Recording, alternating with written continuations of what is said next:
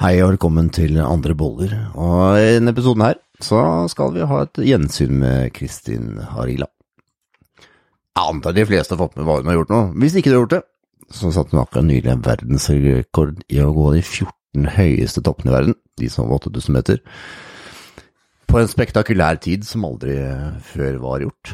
Så det var jo skikkelig kult å få prate med henne igjen og høre hva, hvordan det her hadde vært, og høre hvordan de på en måte har eh, holdt på i til 48 timer i strekk, og ja, fytti grisen, det hadde vært Det var, det var, det var harde bud.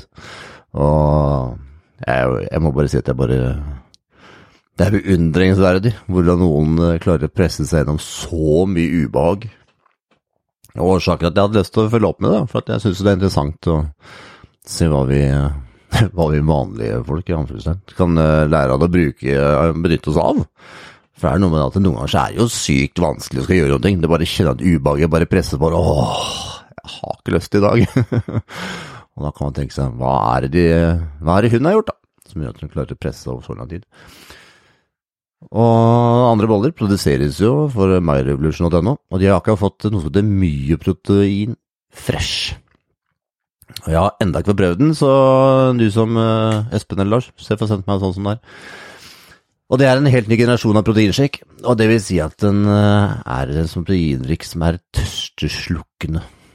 Og det, er, det kan jeg liksom kjenne at det kan være fristende, for jeg er ganske lei av de der uh, litt fete proteindrikkene, og få noe som er av den varianten må være helt sjef. Så Lars eller Espen, se for sendt meg en mye protein fresh. Og for deg som hører på, ta også gå inn på myrevolution.no og prøv ut mye protein fresh. Nå over til Kristin Harila. Hei, Kristin. Hallo. Takk for sist. Takk for sist. Åssen går det? Jo da, eh, det går bra. Er det kjedelig å være tilbake på landjorda igjen? Du er tilbake til havnivå? Nei, det er veldig, veldig deilig, og så veldig hektisk har det vært. Ja, Det vet du. Ja. Du var på Arendalsuka òg, var du ikke det? Var på Arendalsuka og har vært altså land og strand rundt allerede. Så du har ikke rekt å kjede deg ennå? Har ikke det, nei. Sorry, jeg bare hiver i meg en sushi. Ja, det går, veldig, det går veldig fint. For jeg tenkte at du hadde sikkert kjedet deg litt nå som du har kommet tilbake og sett på TV og Jeg har ikke rukket det i det hele tatt. Veldig hektisk. For det her syns jeg jo er fascinerende, da, Kristin. Sist jeg pratet med deg, så hadde du jo Det var jo i fjor, eller i høst, eller når det var. Ja. Det var jo før du startet på rekordforsøk på nytt. Og det jeg syns er fascinerende, er at du måtte avbryte, for du fikk jo ikke visum. ja. Og du vet at det koster ganske mye penger og energi å gjøre noe sånt som det er, da. Veldig. Og så lurer jeg veldig på hvordan finner man motivasjon og energi til i det hele tatt prøver å gjøre det her en gang til? For jeg tenker at det var jo en mm. bragd å bare klare det du gjorde i fjor, men skal liksom gjøre det en gang til. Jeg, hvor, hvor henter du det her fra, da? Jeg har lurt noen gang sjøl. Det er godt, la oss finne ut av det. Nei, eh, jeg bestemte meg egentlig med en gang. Um, når jeg fikk nei på visumet, så bestemte jeg meg med en gang for at jeg skulle prøve på nytt. Så ja, så det var egentlig et ganske enkelt valg. Ja, Så for deg er det bare å bestemme seg, så er det greit? Jeg tror Det hørtes veldig enkelt ut. Ja, men det er, det er veldig enkelt. Jeg tror folk kompliserer mange ting eh, veldig mye. Mens mye handler det bare om å bestemme seg. Liksom bare liksom gå all in og bestemme seg. Ja, for jeg tenker jo at eh, hvis jeg skal prøve å tenke hvordan jeg selv eh, ville oppleve det, så ville jeg jo tenkt ok, skal jeg klare å få sponsor nok det her en gang til? Har jeg helse til å gjøre det en gang til? Er jeg god nok form? Det er mest sannsynlig for alle gjort det allerede. Uh, finner liksom den indre motivasjonen til å gjøre det her på nytt? Jeg ville hatt ganske mange tanker da, før jeg liksom hadde klart å vært bestemt nok til å tenke at ja, det her er jo bare å gå på en gang til. Ja, men det Har ikke du det, eller? Um, jeg har liksom aldri tvilt, og her liksom, i, det, i det minuttet jeg fikk nei, da så bestemte meg for på nytt. Um, jeg vet jo hva det innebar, liksom, men jeg hadde trua liksom hele veien. og Jeg tror det er veldig viktig greie for å både putte nok energi og innsats i å lykkes med et mål, så tror jeg liksom det å ha trua og gå all in er liksom veldig, veldig viktig. Mm, ja, men det med å ha trua høres så mye enklere ut enn sagt enn gjort, da, føler jeg. Eller for vanlige folk i hvert fall, så er det det. Ja, det er ganske vanlig, altså det, det må jeg bare si. Altså, jeg har også dørstokkmila, så det holder når jeg er hjemme i Norge. Og så ja. Ja, for det er det her som jeg tror kanskje gjør at mange ikke tør å komme i gang med å gjøre ting, da. Og det er jo om man ønsker å leve litt annerledes, som, som mange velger å gjøre, eller ønsker å gå på fjelltopper eller fallskjerm, hva det måtte gjøre. Det er det med å klare å komme over dørstokkmila og stå i det og tro mm. så lenge at det får resultat. Ja. Og du fikk et godt resultat i fjor, men så, så mm. gikk du ikke med visum. Så det, er her jeg tenker at uh, mm. Når du allerede har gjort det, du har gått K2 mot Everest og alle vanskelige fjell, og skal gjøre én gang til! Ja. Nei, jeg har utfordringer å forstå det fortsatt, Kristin. Hvor er det du fant den? Ja, men jeg, jeg lurer sjøl også inn med altså det, er, det er jo altså det er, Jeg har vært kontinuerlig på fjellet i, i to år. ja, savner du det kanskje litt nå, eller? Mm. Altså, det er jo deler av det som jeg, som jeg savner, liksom. Det er det. Men det er veldig deilig å mm. Nei, jeg savner um, folkene og samholdet og det, de tingene. Men uh, ja. Det må bli et veldig samhold når man holder på med sånt. For man er jo mm. sliten mm. sammen og må hjelpe hverandre for å komme til mål, og det må bli et ekstremt samhold. Mm, det blir det. Mm. Ja, for det, det ja. Jeg kan skjønne at det blir det veldig savn, for det er sikkert veldig unikt. Mm. Mm. Hva gjør du for å finne noe å erstatte det med? Nei da, altså jeg er jo med, med, familie og venner og sånn når jeg er hjemme, så det er jo også veldig hyggelig. Og det er jo sånn, jeg savner jo det når jeg er borte så lenge. Det gjør jeg absolutt. Og så har du funnet deg en ny eh, partner siden sist, Kristine, har jeg fått med meg i medier. Jeg føler ikke så veldig mye medier, men akkurat det har jeg fått med deg i alle fall. Ja, dere er jo litt uh, uortodokse begge to, da. kanskje velger annen vei, litt annen uh, livsstil. Men uh, ja, det liksom, uh, hvilke tanker er dere har til felles da, som gjør at det har vært en, en god klaff? Um, ja, ja, jeg tror det er en sånn um, ja, kjærlighet til naturen. Og jeg tror at vi har jeg tror at Hvis man kan kalle oss noe, så tror jeg vi er sånn naturbarn, begge to. så det som egentlig trives best ute. ute. Mm.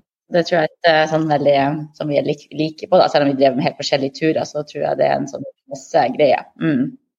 Ja, det kan jeg se. Og er det ikke så ofte to barn like, eller like barn leker best, er det ikke sånn? Ja, ja, ja. Det er jo sånn. Og man gjør litt ekstreme ting, da, så må man kanskje Man gjør sine ekstreme ting, òg. Jens Karlmo gjør jo litt uh, uortodokse ting ja. på sin måte, så Ja, ja, ja. Det har han absolutt. Det er bare at det ikke den samme risikoen i det, men det er jo mye av det samme. Nei, samme risikoen er det absolutt ikke. Jeg hørte på en eh, podkast her som heter Uteliv, tror jeg den heter. Og det har vært mm. noen, noen, episoder som handler om det med konsekvensen av at det er mye friluftsliv. Ja. Uh, at det, liksom, det, går utover naturen, det òg. Når plutselig er så veldig mange som skal på tur. Mm. Og da blir det sånn, jeg tenker, jeg er ikke naturen egentlig for alle, da? Er jo ikke det vi på en måte kommer fra og er en del av? Skal vi på en måte begynne å begrense om folk skal liksom være ute i norsk natur? Mm. Ja, det er, det er vel vanskelig der òg tenker jo at man kan fint bruke naturen uten å være til skade for naturen. og Det, det, det er fullt mulig å gjøre det. Altså. Det, det, er bra at folk kommer ut på tur. og jeg opplever jo at jeg som er mye ute på tur, så opplever jeg jo at de aller fleste som er ute på tur, er opptatt av å ta vare på naturen på en god måte. Ja, jeg fulgte med på deg underveis, Kristin, på LinkedIn spesielt. Og jeg la merke til at du var syk noen ganger, da. Og jeg merker jo når jeg er syk, da er jeg veldig til å syte litt og legge meg på sofaen og ikke skjønne at jeg skal komme opp av den sofaen i det hele tatt. Mens du valgte jo å fortsette å gå videre, da. Jeg lurer på, for det første, hva ble du syk av? Vet du det? eller? Ja, altså Jeg har vært to ganger inne på sykehus, og det har det vært, i hovedgreia liksom vært, bare vært veldig sliten og dehydrert. Uh, så det er liksom det som har vært uh, det som ja, har vært mest. Da, har vært veldig, veldig dehydrert. Uh, ikke noe alvorlig sykehus Så har jeg jo hatt noen runder med matforgiftning og, og spying og sånn, men, men det det, den her, Ja, at jeg har vært veldig, veldig sliten et par ganger. hva, det, hva, gjør man når man kommer på sykehuset? For noe intravenøst væske? Liksom, ja. Mm. Da er det intravenøst, ja. Så mm. det, ja, det er veldig greit å bare gjøre det når man er veldig dehydrert. Mm. Men hva er symptomene da, da, når det skjer? Nei, jeg er bare forferdelig sliten. Jeg har vært veldig, veldig sliten, ja. Mm. Så det er ikke noe, ikke noe spøk, det, altså. Nei, for jeg tenker at det er ikke litt utfordrende for folk i har nok vann her òg, da? Er det utfordrende det òg, eller? Ja, det Man svetter veldig... mye, eller? Eh, Altså, jeg svetter ikke veldig mye. Passer på å justere på temperaturen så man ikke går seg så svett. Jeg syns det er veldig viktig. For å ikke bli, bli kald, da, så er det viktig å justere på temperaturen. Men ja, vi har jo gått fort, liksom. Så det å tørre å, å starte med lite nok klær er viktig. Og blir du svett, blir du ofte kald igjen. Så det kjempeviktig å regulere det. Så, men, men, eh, men man, vi holder jo på i veldig, veldig mange timer, ofte, eh, ofte over døgn. Så det er klart at det, og vi vet at høyden er eller for høyden og høydesyke så er det veldig viktig å, å være det, altså hydrert nok og ha nok væske på høydesyke. Mm. Men Si at dere har holdt på da 24 timer i strekk og sånn, eller? Ja, ja, vi holder på ofte i mellom 20 og 30 timer på de toppstøtene. Og vi har holdt på i 41 timer i strekk en gang, så det Ja, jeg sovner av og til litt i på turene, da. Altså, på, når vi har pauser, så bare tar man sånn 15 minutter i, i snø. det har skjedd. Ja, Så du sitter liksom ved en fjellskrent og dupper av litt? Mm, det har skjedd, det. Mens jeg går og ja. Det var vel mye galgerhumor når man gjør sånt, eller? Om det er mye Galgerhumor? Det må jo bli mye humor man holder på sånn. Det må jo bli sånn absurd til slutt? Ja, det er, Jeg vet ikke om det er så veldig mye, men, men det er jo liksom Eh, når vi er, så er vi ofte veldig sliten, og det dreier seg om å komme seg trygt opp og ned og sånn. Så ofte så går vi jo i, i, i dårlig vær og eh, Ja, så det er, ikke, det er jo ikke um, Ofte så er det jo kanskje lite eh, snakking, liksom, også fordi vi, vi, klatrer etter hverandre. Så vi går ikke på en liksom, sti og har mye tid til å prate, liksom. Det blir lite, lite til det. Ja. ja. for jeg tenker at eh, jeg ville jo sikkert sagt det høyt, og det, i alle fall med settet, hvorfor gjør jeg det her? Hvorfor gjør jeg det her igjen? ja. Men det har ikke du hatt, eller? Nei, jeg tenker at det er liksom ikke så veldig mye å, å fokusere på på, på en sånn, eh, sånn tur, da. Jeg tror det er lurt å holde fokus på de rette tingene. Ja, Har du klart det hele tiden, eller? Ja, stort sett så går det veldig bra. Og det tror jeg også dreier seg om å bestemme seg og, og stå i det, da. Mm. Var det sånn at da du eh, var liten, eh, Kristin, var det sånn at uh, din mor hadde utfordring med at du var veldig viljesterk, eller? Ja, jeg tror de følte på det.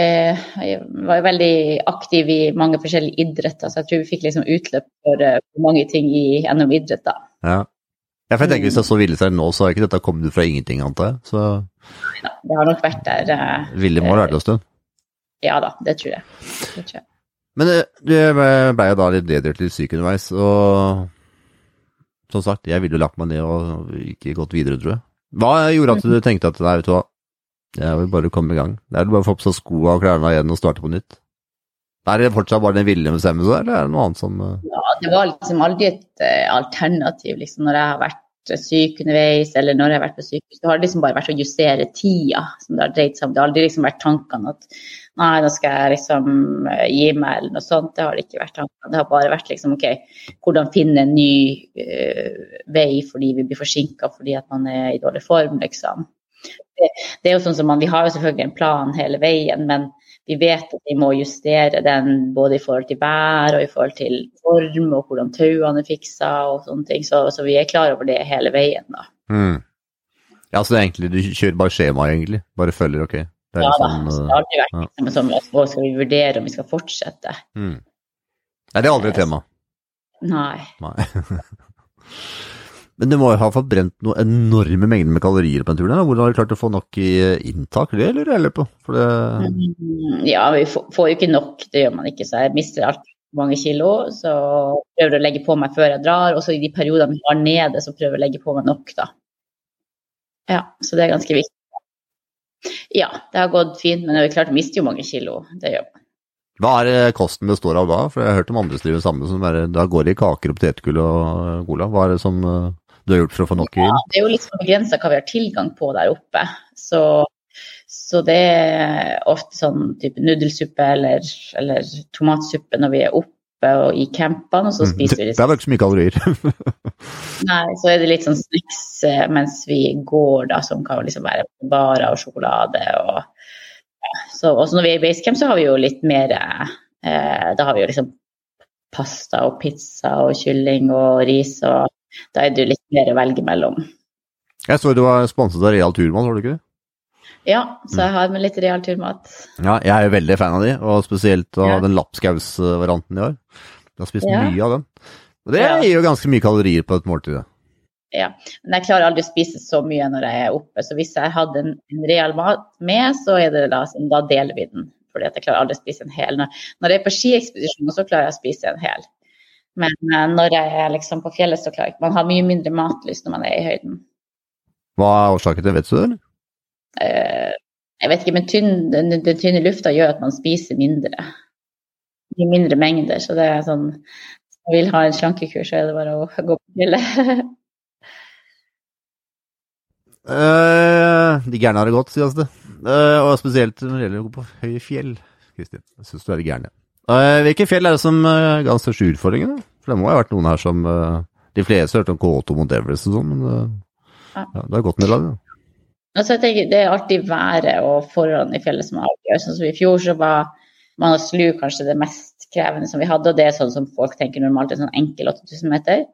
Og i fjor var kanskje K2 et av de letteste fjellene, og så ble det veldig krevende i år.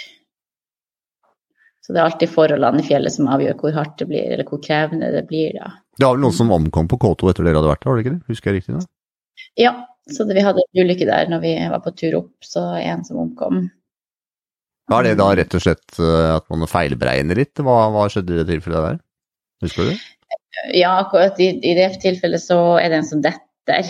Eh, ikke så langt unna oss, og han henger i tauet, men blir hengende opp ned i ganske lang tid før vi etter hvert får han opp på, på stien. Men eh, han, ikke, han klarer ikke å gå mer, da. Så, eh, så det er veldig, veldig vanskelig å få noen ned derfra som ikke kan gå sjøl. Så det Ja Hvordan opplevde du det, da? farlig, farlig fjell. Det, det, det, mm, ja. Nei, det var selvfølgelig en veldig eh, dramatisk situasjon for eh, alle som var der, både mm, altså, dem som eh, venter og, og alle som prøver å hjelpe til å redde han. Og, og, ja. Så det er en veldig, veldig dramatisk situasjon når det står på. Men hvordan opplever du det selv, da? Når du eh, er et rekordforsøk og prøver å gjøre dette så raskt som mulig, og og sånt noe skjer? Mm. Hvordan, hvordan opplever man en sånn type hendelse? Ja, sånn I forhold til rekorden og sånn, så, så, så er det ikke noen sånn forskjell. eh, Den, vi vil jo alltid ha muligheten til å eh, Vi hadde jo veldig god tid på å bli, liksom, ta rekorden, så vi hadde muligheten til å gå opp dagen etter eller, eller etterpå. Eller, alltid, liksom, så vi er alltid fleksible i forhold til, til de tingene, men, men det er klart at her står vi òg i en veldig eh, veldig, veldig farlig plass og, og prøver å redde han i flere timer. Så eh, Du blir aldri redd, eller? Uh, nei, altså jeg blir uh, mest bare liksom fokusert på å gjøre det vi må gjøre for å være trygge. Men uh, der er jo mennesker også veldig forskjellige, og vi ser jo noen som blir mye mer redd enn andre, og noen føler mye mer på det enn andre gjør. Så, så vi mennesker er jo forskjellige på de tingene. Helt, helt klart. Mm. Men når du sier at du prøver å finne noe som er eh, trygt, vil det si at du da prøver å finne en plass på fjellet som ikke kommer skred, eller får festa det bedre? Hvordan, eh, hva, var, hvordan er tankeprosessen din når det gjelder det? Um, hva mente du for noe da? Nei, du sa du holder roen, blir ikke redd, men du prøver å liksom trygge deg selv, så er jeg litt nysgjerrig på ja, hva, hva Ja. gjør du da? Altså, jeg, tror, jeg tror man er forskjellig. Altså, jeg er veldig sjelden redd. Altså, det, um, jeg, jeg, tror ikke jeg føler så mye i forhold til de tingene. Så, så min greie er bare når vi er i sånne situasjoner, så er det bare liksom, hva gjør vi liksom, for å være trygge? Det som er det viktigste å finne ut av. Liksom. Ikke, eh, Men man er forskjellig der, mens noen liksom blir lamslått. Og, så, så er det for min del bare liksom, hva kan vi gjøre for å være trygge. Mm. Husker du når du var redd sist, eller? Eh,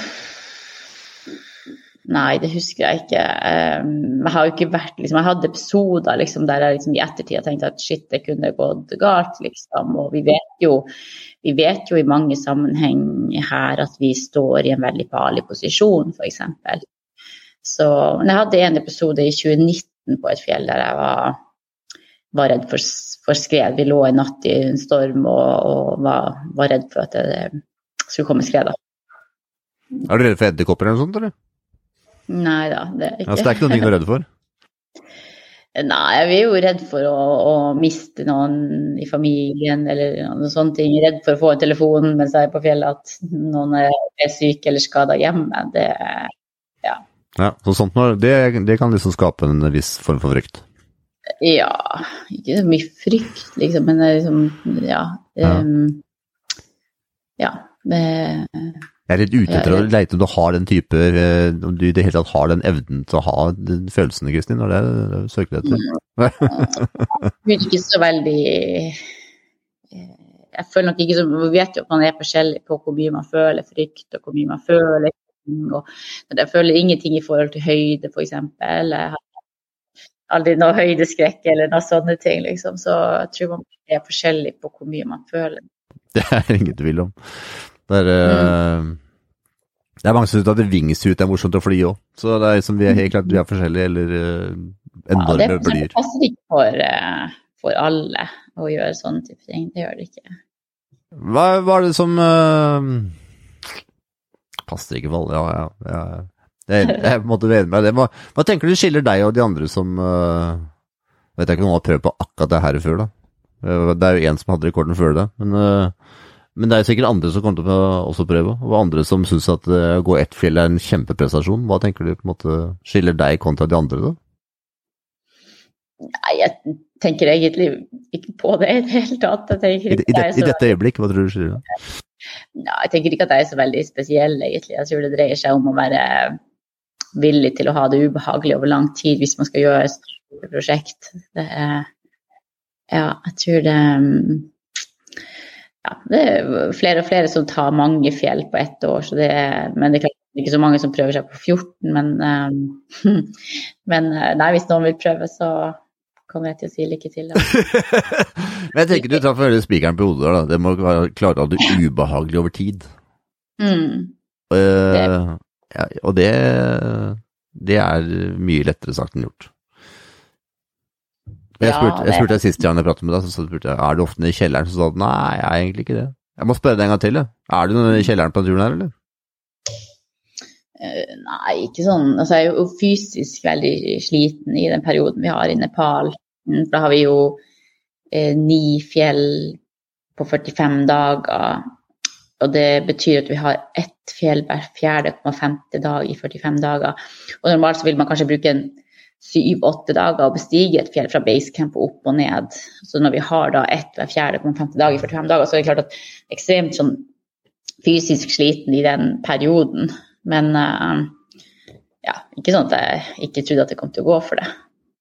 Nei, men Hvordan gjør man dette praktisk? da, Fordi man har helikopter fra plass til plass? Hvordan, hvordan løser man dette? Man skal klare å få ned tiden så mye i løpet av delen, eller hvordan får man det sånn fysisk? Mm, ja, Det er jo mye sånn logistikkmessig. Altså, det er mye logistikkmessig for å få det til. og så er jo Noen av de fjellene er jo veldig nært hverandre. Og så er det jo noen som det er mer avstand, der man må fly imellom med helikopter. Og så er det noen som er liksom en tolvtimers gåtur imellom basecamp til basecamp. Og da må man jo gjøre det. Sånn som når vi kommer ned fra Gasjebrum 1 og 2, så kommer vi til basecamp der, og så er vi nede på kvelden, og neste morgen så går vi tolv timer, og så neste morgen så begynner vi opp til toppen. Så det er klart man må være eh, i god nok form til å tåle mange harde dager etter hverandre. Så det at når man bestiger et fjell, så er det samme størrelse være på toppen, men vil det si at man starter på bunnen, eller starter man på basecamp? Hvordan, hvordan fungerer det i praksis, for det er kanskje ukjent for mange? Mm, ja, man, man, bestiger fra basecamp og til toppen, og så tilbake til basecamp. Så det er liksom eh, reglene, det, da. Så basecampene ligger jo på fra 4002 til 5003. Og så skal man opp over 8000, da. Mm. For jeg tenker at det er en litt viktig, litt viktig mm. del å forstå det òg. At det er ikke 8000 meter hver gang. For det vil jo ikke være ja. praktisk mulig å få til. Nei. Men det er jo fortsatt en veldig prestasjon. og Du var absolutt ikke det, Mette. Det var sånn, eh, det var sikkert mange som har utfordring for å forstå hvordan klarer man liksom få til det på de dagene. Mm. Prestasjonen er jo fortsatt helt enorm, og da er det Ja, det var aldri der at du tenker at nei, nei uff, det, vi skal ikke gi oss her. Men samtidig som bare kjenner ubehaget, for mange syns det er vanskelig å stå i ubehag. Har du noe som ja. du måte, sier til deg selv når det er ubehagelig, eller har du måte, noe har liksom noen synger når ting er ubehagelig. Har du noen teknikk som du bruker når ting er ubehagelig? Uh, nei, jeg kompliserer ikke ting så veldig mye, egentlig. Jeg gjør det ganske, ganske enkelt. eh, Så jeg har ikke noen sånn spesielle ting som jeg gjør. Jeg vet, jeg vet at det blir ubehagelig. Så det er bare Det er ikke noe sånn Men ingenting du sier eller gjør, eller ingenting du føler eller tenker heller, er det noe å stå på, eller? Det bare er ubehagelig, så er det liksom ikke noe mer ut av det enn det. Ja, det er jo bare å være villig til å leve med. Og så tror jeg å være forberedt på det, at man vet jo at det kommer liksom, man vet at det kommer til å bli slitsomt og alt det der. Så det, det, liksom, det, det er en del av greia. Og det er klart at jeg har jo ikke gjort så mye annet enn det her.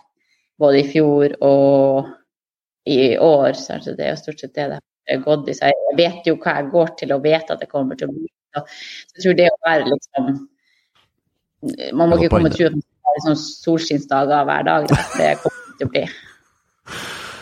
Nei, da, jeg, jeg, jeg følger deg på den. Prøver- for den som hører, så tenker jeg at det er mange som syns at ting er tungt og vanskelig, og da kan man på en Ja. måte lære av det, da. For det, er- Mm. må, Ja. en av prestasjon kan man måtte lære noe av. Mm. Når, eh, man trenger jo ikke For noen kan det være vanskelig å gå til postkassa, og andre kan det måte gå 8000 meters fjell. Men det er, jeg tenker mye av tankesettet, vi er like vi mennesker, da. Ja, ja, ja. Så det hvilke tankesett kan man på en måte låne av hverandre. Det er vel kanskje Mm. som sier ikke komplisere det mer enn det det faktisk er, da. Det er, Mm. er noe med det òg. Ja, Bare tenke at ja, dette suger, dette er ubehagelig. Men det går over. ja. ja, det gjør jo det. Det gir seg jo på et eller annet tidspunkt. Ja, ja, ja, helt klart. Men jeg tenker nå, Kristin, når du har måte kommet ned, og når du har løpt rundt i intervjuer hit og dit, og måtte det har vært hektisk, da, men kjenner du noe forskjell på kroppen nå, eller? Er du sliten, eller er du noe Eh, merker nei, du jeg ikke noe, mm, jeg er ikke noe fysisk sliten, liksom. Da trenger jeg bare en natt, så jeg er klar igjen, liksom. Så det, det går fint. Eh, så det er mer liksom at siden jeg kom hjem, så har det vært veldig hektisk med både reising og intervjuer og foredrag og mm, Ja, så det har vært mer det som har vært eh, slitsomt. Og Det er veldig forskjell, da. Ja, det er det. det, er det. Så nå skal jeg løpe noe løp i helga. Og Skal du litt det? Sånn, Ja da. Så jeg driver med litt sånn løp på fjellet og ja. Ja, noe sånn, hva er det for noe? Eh, Nei, det er sånn ultramaraton som Ja, er sånn kult. fem fjellet. Så Skyrun eller noe sånt, det er ikke noe som heter det òg? Så det er egentlig Men det her er mer sånn trail running. Å ja, kult. Mm, Hvor er det nå, Kristin? I Tromsø. Å ja, kult. For det, jeg har jo også en podkast som heter Ekstrempodden, og der uh, intervjuet jeg veldig mange som drev med akkurat, eller flere i alle fall, som drev med akkurat det. Og det er veldig fascinerende, for det går litt ut på det samme som det du holdt med nå. Det er det klare ubehag over tid, da. Mm. Jeg, Det er vet- det. jeg vet ikke hva tiden er på den som er i Tromsø, men det er er det noen timer, det òg. Ja. Bruker nok eh, Jeg har en tid som er under seks timer på det raskeste på den Oi. distansen, men jeg tror at jeg kommer til å bruke syv timer i morgen. Ja. Hva har du gjort for å forberede til det, da? Egentlig ingenting? Gått noe fra før? I det hele tatt. Nei. Så hodet ikke forberedt. Så egentlig bare det å restituere i forkant, eller? Fra det du allerede hadde gjort? Ja, jeg skulle ha løpt mer, så jeg er ikke helt forberedt til, til det jeg skal ut på, men eh, Mm. det får gå. Mm. Så i tiden fremover, da, har du noen, eh, har du noen planer om hva som kommer til å skje fremover? Eh, nei, ikke sikkert. Jeg har ikke bestemt meg ennå. Det blir helt sikkert ganske hektisk med foredrag og litt reising rundt. Og så blir det jo en bok, og så blir det en film etter hvert. Det blir sikkert mer enn nok å, å gjøre. Ja, det blir veldig annerledes ting å gjøre, da. Kommer du Ja. til å savne det å ha det vondt og slite, tror du? Nei, jeg skal nok klare å få det tilfredsstilt gjennom treninga, så jeg tror det går bra. Tror du ikke det kommer til å kjede deg, Kristin? Når du pusher blir sånn vanlig liv igjen. Tror du ikke det blir litt, eh, blir litt kjedelig da? Se det på alle mennesker som gjør sånn som det her, da, så tar det ikke så lange tiden for de ønsker å gjøre noe annet nytt. Ja, nei, jeg tror ikke det. Jeg har så mange andre ting som jeg holder på med og som jeg skal gjøre, så jeg tror det kommer til å gå helt, eh, helt fint. Ja, men det er godt å høre, Kristin. Det er godt å høre at du ikke kommer til å synes at ting blir kjedelig framover, da.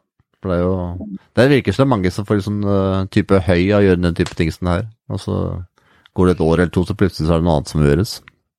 Og det er godt hvis man ikke blir fanget av det, da. Ja. Så da må jeg ønske deg lykke til, Kristine. Og så er det jo tusen takk for at jeg fikk eh, ta en prat med deg igjen. Det var jo spennende å høre hvordan det, hvordan det hadde vært. ja, Så, takk skal du ha. Da ønsker jeg deg en eh, god helg.